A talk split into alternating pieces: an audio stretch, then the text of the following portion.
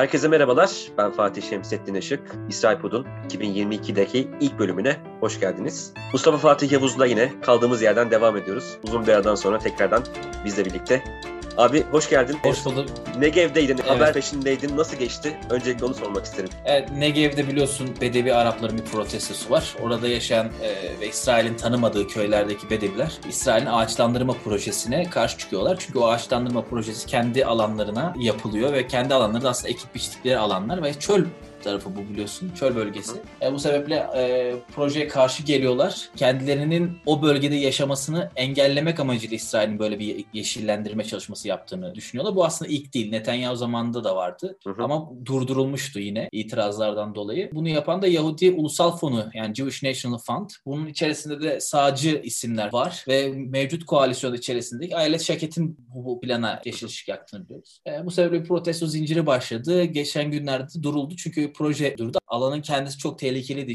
Protestoyu yapmak istedikleri alan onlar için elverişsiz bir alan. İsrail polisi çok daha tepelerde konuşlanabiliyordu vesaire. E, çok şükür bizde bir sıkıntı olmadan atlattık. Sadece arabamıza İsrail polisinin plastik mermisi isabet etti ve camımız kırıldı. E, onun dışında elhamdülillah bir şeyimiz yok.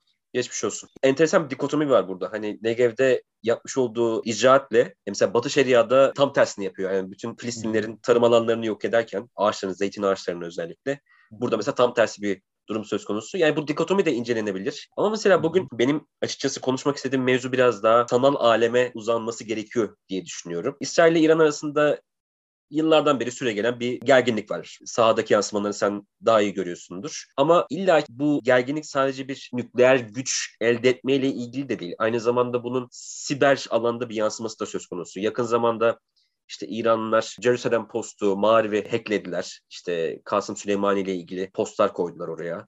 Aynı şekilde zaten 2010'da hatırlarsın Stuxnet virüsünün İran'daki nükleer tesislere yönelik bir sızması söz konusuydu. İsrail yapımı bir virüs olduğu biliniyordu. Yani İsrail ile İran arasındaki bu siber alandaki mücadele, e, bunun kamudaki yansımaları nasıl oluyor? Uzmanlar nasıl değerlendiriyor? Sen ne söylemek istersin bu konuda? Yani aslında Fatih şey baştan başlasak daha iyi olur gibi geliyor. İsrail ve İran arasındaki o mücadelenin başlangıç noktasına dönsek daha iyi olur diye düşünüyorum. Çünkü buradaki siber mücadeleyi nereye koyacağız? İsrail ve İran arasındaki mücadelede yani bir bir cüz mü yoksa daha evvelden seninle konuştuk. E, konuyu escalate eden bir tarafı mı var? Konuyu e, ya, ya da çatışmayı dindiren bir tarafı mı var?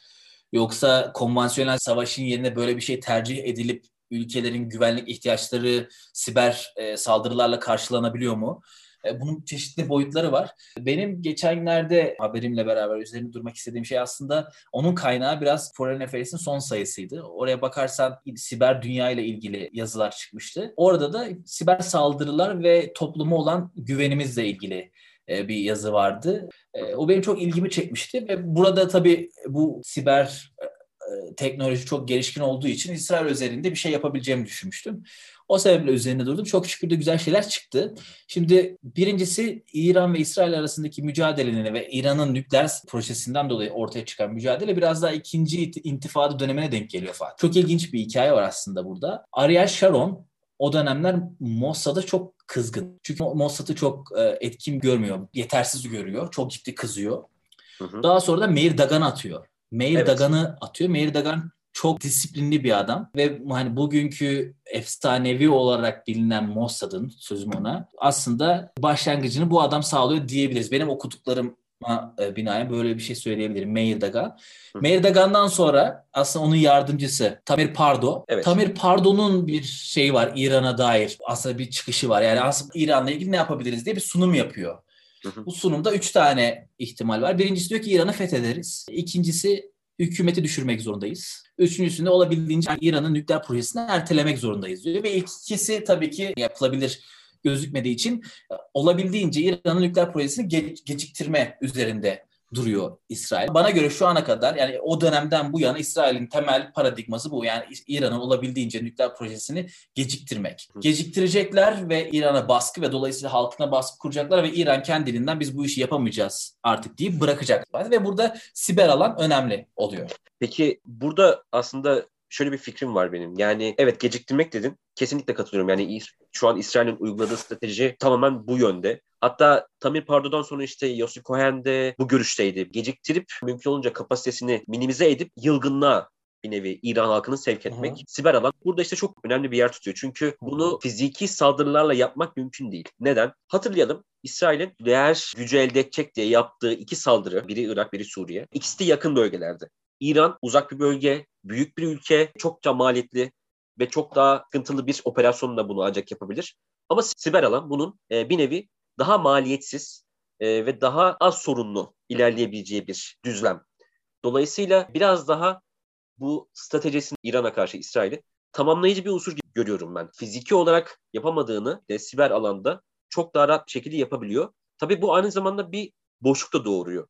Çünkü e, İran'ın da aslında böyle bir kapasitesi var. Yani belki fiziki olarak kıyaslanamayacak ölçüde İsrail öndeyken siber alanda ikisinin de belki e, kafa kafaya gittiği bir durum söz konusu. Peki halk mesela bu saldırılara işte siber alanda gerçekleştirilen mücadeleye nasıl bakıyor? Ben Fatih aslında bu siber psikoloji denilen alan ben bunu daha çok çok çok yeni keşfettim geçtiğimiz aylarda. Yani çok tabii interdisipliner bir alan. Hem siber güvenliği hem psikolojiyi bilebilmeniz gerekiyor bununla ilgili ve bunun ikisini e, birleştirip bir e, analiz çerçevesi çiziyorsunuz. Buradaki e, ekspertlerle konuşma şansım oldu. E, Haifa Üniversitesi'nde bunu çalışan e, bir grup var ve güzel araştırmalar da yapmışlar bu zamana kadar. 2015 yılında bir araştırmaları var bu konuyla ilgili Fatih. Yani bir grup insanı topluyorlar. Bunlara da bilgisayarda bir şey yaptırıyorlar artık. Bir etkinlik yaptırırken bir anda hackleniyorsunuz. Daha sonradan işte bunu tabii Anonymous o hacker grubunu üzerinden çalışmayı yapıyorlar. Tabii onlarmış gibi daha doğrusu. Ve insanların daha sonradan salya örneklerini alıyorlar ve stres hormonunun yükseldiğini görüyorlar. Yani hacklenme sırasında. Tabii böyle bir bu şey biyolojik olarak kanıtlamışlar.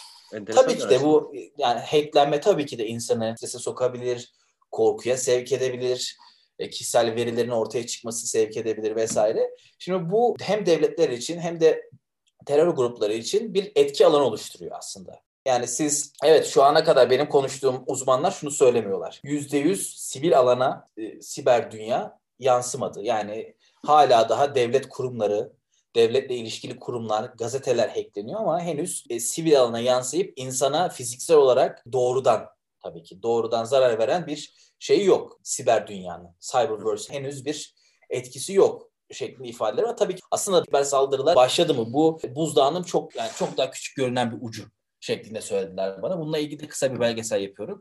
Şu ana kadar bizim gördüğümüz iki tane hadise var. Yani benim daha doğrusu haberimden kullandığım iki hadise vardı. İran ve İsrail özelinde.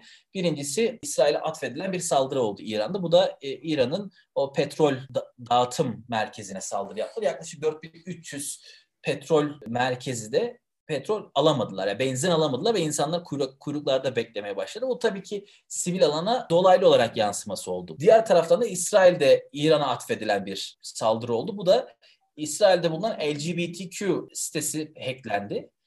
Oradaki bilgiler paylaşılmaya başlandı dendi Telegram üzerinden ve tabii ki burada bulunan insanların da kaygılar ortaya çıkmaya başladı. İsrail basınına buna yansıdı. Çünkü orada şeffaflık için bir kendi bilgilerini paylaşıyorlar. Yani intihar etmek isteyenlerin olduğu yazıldı İsrail medyasında. Ülkeden çıkmak isteyenlerin olduğu yazıldı yine İsrail medyasında. Bu tabii ki aslında biraz daha direkt olan yani diğer saldırıya göre daha e, doğrudan bir hedefi olmuş oldu. Ama tabii ki yavaş yavaş bunun tümün domaine yaklaştığını görmeye başladık. Bu sebeple ilginç bir alan olmaya başladı ve burada şunu görüyoruz. Bu bir etki alanı yani etki doğuruyor, korku doğuruyor. Biraz daha kafkavari bir dünyaya doğru gidiyor muyuz şeklinde bana sorular sordurttu açıkçası. İsrail ve İran üzerinden konuşmayacağımız bir konu bu. Çünkü herkesin bu konuda kapasitesi yavaş yavaş artıyor. Benim de aklıma şöyle bir tezat bir durum geldi. Yani ya da ironik demek belki daha doğru olur. İsrail bugün belki bölgede teknolojik kapasitesi anlamında ileri gelen ülkelerden bir tanesi. Ya belki bazıları bunu en ileri seviye bile sayabilir. Ciddi bir kapasitesi var, ciddi bir siber güvenlik kapasitesi var. Aktifler. Fakat aynı zamanda bu bir kırılganlık yaratıyor. Yani şöyle düşünüyorum. Fiziki anlamda askeri kapasitesinin mesela bir ülkenin bir yere yoğunlaştığını düşünelim. Yani tek bir yere topladığında ister istemez karşı tarafın oraya yönelmesi daha kolay olabilir. Yani nükleer silahların da böyle bir nasıl diyeyim anti cazibesi var. Karşıt bir cazibesi. Yani oraya doğru ister istemez dikkat çekiliyor. Siber alanda da böyle bir durum söz konusu bence. Siz bir ülke olarak kapasitenizi artırdığınız vakit işte bilişim altyapınızı, siber altyapınızı güçlendirdiğiniz vakit size karşı hasmana tutum besleyen ülkelerde oraya daha rahat yönelebiliyor ve sizin kırılganlıklarınız da artmaya başlıyor. İsrail'de mesela bu kırılganlık daha hassas gibi ve halk da ister istemez bundan daha kötü etkilenir gibime geliyor. Bilmiyorum sen katılır mısın bu görüşüme? Ee, olabilir. Benim kafamdaki soru işareti şuydu aslında. Yani konvansiyonel savaşın psikolojisi siber alandaki mücadelede de görülür mü? Ee, sadece siber saldırıların sivil alana yansımasından dolayı PTSD geçiren insanları görecek miyiz vesaire bu sorular vardı aklım. Ve benim gördüğüm şey buna doğru gidiyor evet. Yani bunun etkileri olacak ve hatta İngiltere'de yine Kent Üniversitesi'nden bir araştırmacıyla görüştüm. O biraz daha tabii genel konuştuk ama e, şöyle bir dünya var Fatih yani bir offline bir de online dünya var. Benim Hayfa'da görüştüğüm bir araştırmacı ki kendisi bunun biraz da felsefesini yapmaya çalıştığını, bunu oluşturmaya çalıştığını söyledi. Yani siber felsefeyi e, oluşturmaya çalıştığını söylemişti. Onun çok daha radikal bir cevabı vardı. Yani biz çok daha Matrix vari bir yerdeyiz ve offline ve online diye bir dünya yoktur. Yani bir tane dünya vardır. O çok daha online olan dünya. Yani şu anda seninle iletişimimizi kurduğumuz ve arkamızda bıraktığımız o offline dün gerçek dediğimiz dünya. Ben de bunu söylemek zorundayım. Dün gerçek dediğimiz dünyayı o hayır bir tane dünya vardır ve o tamamen artık sanaldır. Biraz o şunu söylemeye çalışıyor. Senin online halinin offline halini dikte ettiğini. Sen ne kadar offline olabilirsin? Bunu ne kadar becerebilirsin? Senin %100 offline olma ihtimalin çok az. Neredeyse imkansız şeklinde bir şey söylemişti kadın. Tabii ki bunu kanıtlamak mümkün değil. Sadece o bir teorik bir çalışma yapıyor. E, benim biraz daha e, devletler üzerindense Fatih baktığım şey insanın kendisi. Bu beni ilgilendiriyor biraz daha. Dün de büyük savaşlar oldu. E, bunun edebiyata yansımaları oldu. İşte İkinci Dünya Savaşı, Godoy'u beklerken görüyorsun sonra edebiyata yansımaları vesaire. Hı hı. E, ama bugün çok farklı bir dünya var. Yani dediğimiz gibi benim bakış açımda online dünyanın offline dünyaya etki ettiği. Korona dönemiyle beraber ki böyle bir araştırma da var Fatih. Siber saldırılar çok ciddi artıyor çünkü e, hemen hemen bütün günün internete bağlı.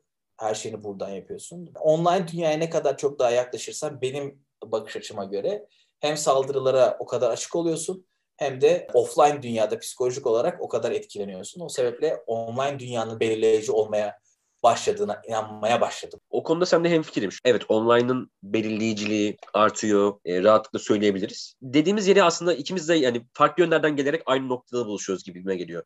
Yani kapasiten arttığı sürece, ekranlara daha çok maruz kaldığın sürece e, kırılganlığın artıyor. Ve bu aslında senin offline hayatını şekillendiriyor. Bu şekillenmiş hali senin online'da başka bir versiyonuna sebebiyet veriyor. Dönüşüm devam ediyor sürekli. Yani tek yönlü değil, biraz daha karşılıklı dönüşümsel ilerlediğini düşünüyorum. Bundan sonrası için peki ne olur? Yani İsrail ile İran'dan da öte bir şey. Kurulduğu günden bu yana İsrail bir savaş çerçevesi içinde hareket etti. Araplarla savaş hep böyle bir fenomen vardı İsrail siyasetinde.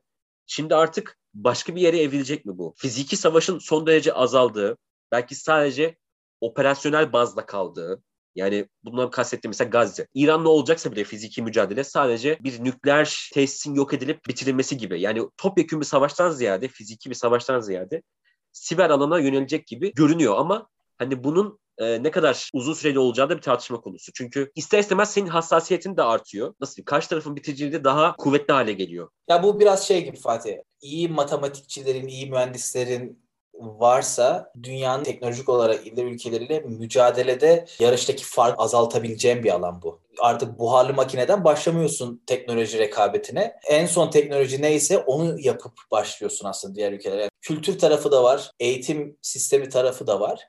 Ee, benim gördüğüm İsrail'de bu da mesela benim için ilginç bir konu. Bu tabii eğitimle beraber gelen bir şey. Bunu birleştirmişler gördüğüm kadarıyla. Burada bir böyle bir kültür var aslında. Bunu nasıl açıklarız? Siber kültür mü diyebiliriz? istihbarat kültür mü diyebiliriz? Askeri kültür mü diyebiliriz? İsrail devletini ki bazı Yahudi araştırmacılar da bu şekilde değerlendiriyorlar. Acaba İsrail devleti bir garnizon devleti mi? Yani bir ordusu var ve her sene rezervlerini sürekli hazır tutmak zorunda. E, bu tabii ülkeyi güvenlikleştiriyor mu? Öyle olursa bir siber kültürü de işin içerisine girebilir. Çünkü böyle bir ihtiyaç var. Artık savunmanın bir tarafı siber savunma. Bu sebeple insanların kültürlerine de e, etki ettiğini düşünüyorum. Eli silah tutan değil de kod yazan, daha fazla koda önem veren ya da ne bileyim işte siber alana önem veren insanlar burada yetişiyor. Ve tabii bunu İsrail ordusu da destekliyor. Biliyorsun bir birimi var. Oradan özel çocukları seçiyorlar, yetiştiriyorlar. Daha sonra bu çocuklar startup kuruyorlar vesaire. Enoso bunlardan biri mesela işte. Ez cümle uzmanların da bana söylediği şey şu. Şu andaki siber alan siber saldırı, İsrail siber saldırı kapasitesi özellikle İran'a karşı konvansiyonel araçlarla İran'ın kapasitesini düşüremedikleri yerlerde siberi tercih ediyor. Dediğin gibi az maliyetli olması ve bunun da tabii counter tarafı da var. Ben şunu sordum. İsrail'in İran'a askeri tercihleri ne olabilir? Çünkü bir ara vitesi yükseltecek gibilerdi e, İran'a saldırabiliriz şeklinde. Biz de onu araştırmıştık. Uzmanlar, eski diplomatlar genellikle saldırılabilir ama genelde bunu siber alandan bekleriz gibi ifadeleri vardı. Savaşın gerçek alanı burada değil, tamamlayıcı gibi duruyor. Bunu yine konuşmaya devam edelim bence. Yani siber psikoloji alanı sadece İsrail için değil aynı zamanda yani genel olarak. Ağzına sağlık. Güzel bir sohbet oldu. Sadece İsrail değil birazcık genel kültürü de konuştuk. Siber alanı da konuştuk. Bizi dinlediğiniz için teşekkür ederiz. Haftaya görüşmek üzere. Hoşçakalın.